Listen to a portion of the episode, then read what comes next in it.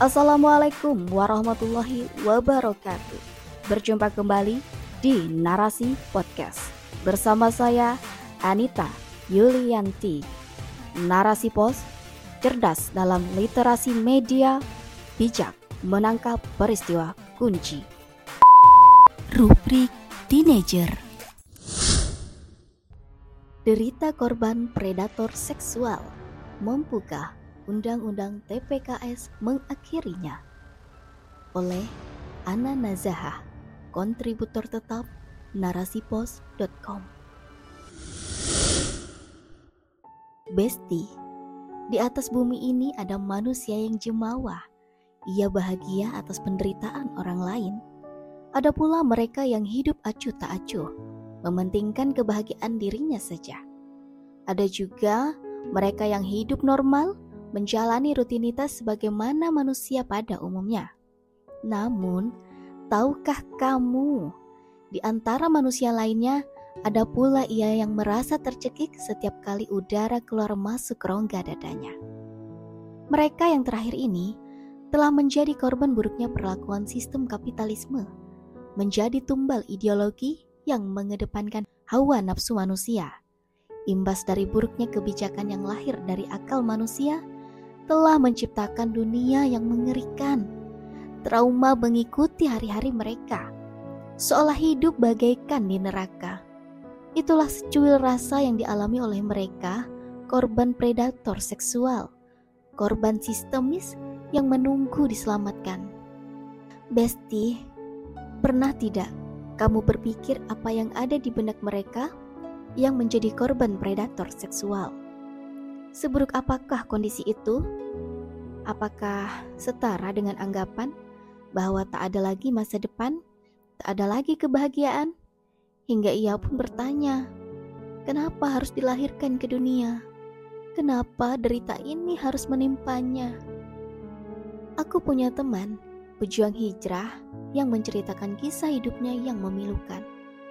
Hingga ia menganggap bahwa hidupnya adalah neraka ia adalah seorang gadis salihah, menjaga dirinya dalam balutan jilbab dan bagusnya adab.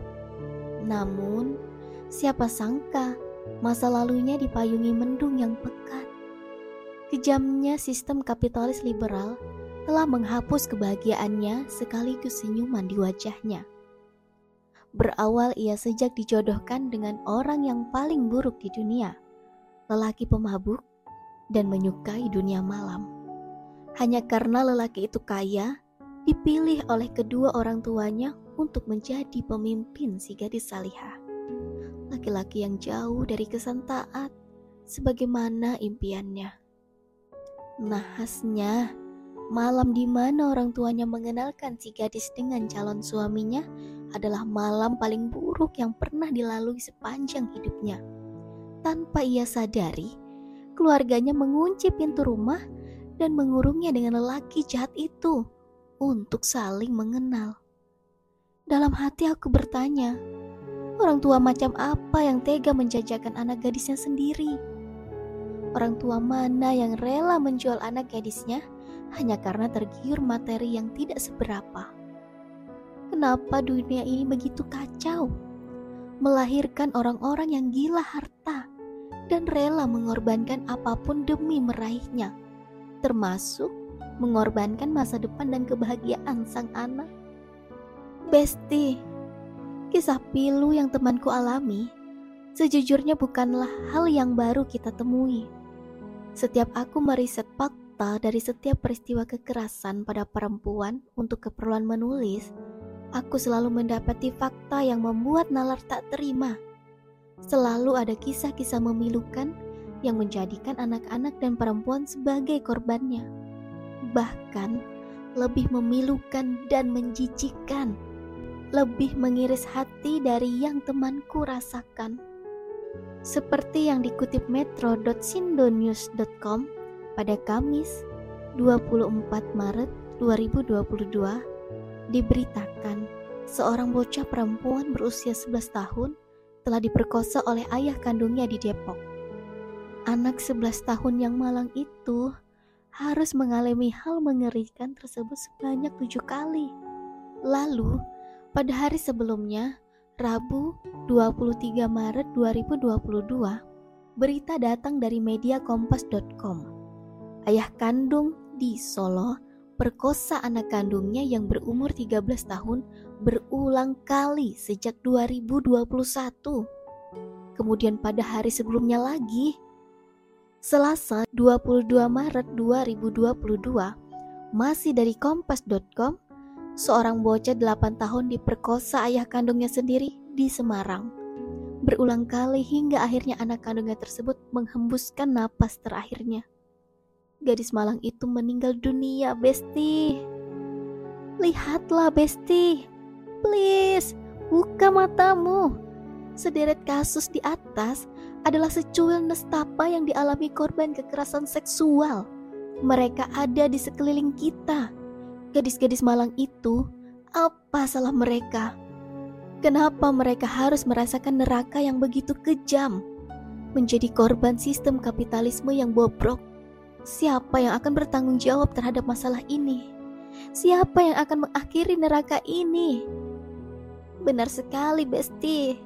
Kita sekarang memiliki undang-undang tindak pidana kekerasan seksual atau UU TPKS yang baru saja disahkan pada Selasa 12 April 2022. Namun, wajib kita pahami, sejak awal draft dirancang, undang-undang ini mengandung ruh feminisme yang kental, meletakkan masalah kekerasan seksual berdasarkan gender sesuai pemahaman barat, melupakan akar persoalan sebenarnya, yakni kehidupan sekuler yang kian liberal karena salah dalam mengidentifikasi masalah, salah pula dalam memberi solusi.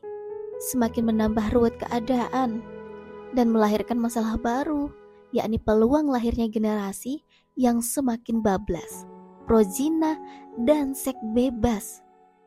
Aku yakin seribu persen. Bukan ini solusi yang ditunggu oleh temanku. Bukan pula oleh gadis-gadis kecil nan malang yang menjadi korban predator seks itu yang mereka butuhkan solusi tuntas hingga ke akarnya. Solusi yang benar-benar mengakhiri segala bentuk kejahatan seksual terhadap anak-anak dan perempuan untuk mengembalikan masa depan mereka yang dirampas oleh sistem ini dan membawa senyuman di wajah mereka kembali.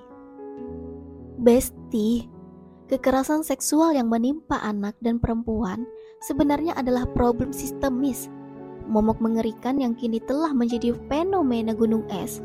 Sebagaimana Komnas Perempuan menyatakan, dua jam ada tiga korban dari kekerasan seksual. Khusus pada anak-anak telah meningkat sejak 2019 dengan angka 12.000 kasus menjadi 15.000 kasus pada tahun 2021. Dikutip kompasiana.com. Nah, karena masalah ini adalah masalah sistemis, di mana bermula dari diterapkannya sistem sekuler kapitalisme, maka dibutuhkan solusi yang sistemis pula. Tidak lain dengan mengganti sistem sekuler ini dengan sistem lain yang sahih, bukan malah melanggengkan paham-paham feminis dan liberal lewat undang-undang TPKS sebagai payung hukumnya. Dan sistem yang sahih itu tidak lain adalah Islam Islamlah satu-satunya sistem hidup yang mampu membasmi setiap kejahatan yang merugikan harkat, martabat, serta kehormatan manusia dengan menegakkan sanksi tegas yang mampu menghasilkan efek cerah. Hal ini karena Islam adalah agama yang serius dalam menindak kejahatan kelamin ini dan membasmi segala peluang-peluangnya seperti menutup total situs-situs porno, mengedukasi umat dengan syariat, mendorong ketakwaan individu dengan kontrol jemaah dan negara sebagai pelaksana, memberikan sanksi yang tegas bagi siapa pun pelanggarnya. Besti, inilah solusi hakiki yang dinanti oleh mereka korban kekerasan seksual, oleh adik-adik kita yang trauma karena masa depannya telah dirampas, oleh jutaan anak dan perempuan Indonesia yang tengah diintai oleh predator seks mereka tengah menunggu solusi ini hadir demi terciptanya dunia yang aman, demi cerahnya kehidupan masa depan. Percayalah, Besti, Hanya Islam yang mampu menjawab itu semua. Hanya sistem pemerintahan Islam yang bisa melindungi generasi kita dari segala jenis kekerasan seksual yang mengerikan. Allah berfirman dalam surat Al-Maidah ayat 50. Apakah hukum jahiliyah yang mereka kehendaki? Hukum siapakah yang lebih baik daripada hukum Allah? Wallahu alam bisawab.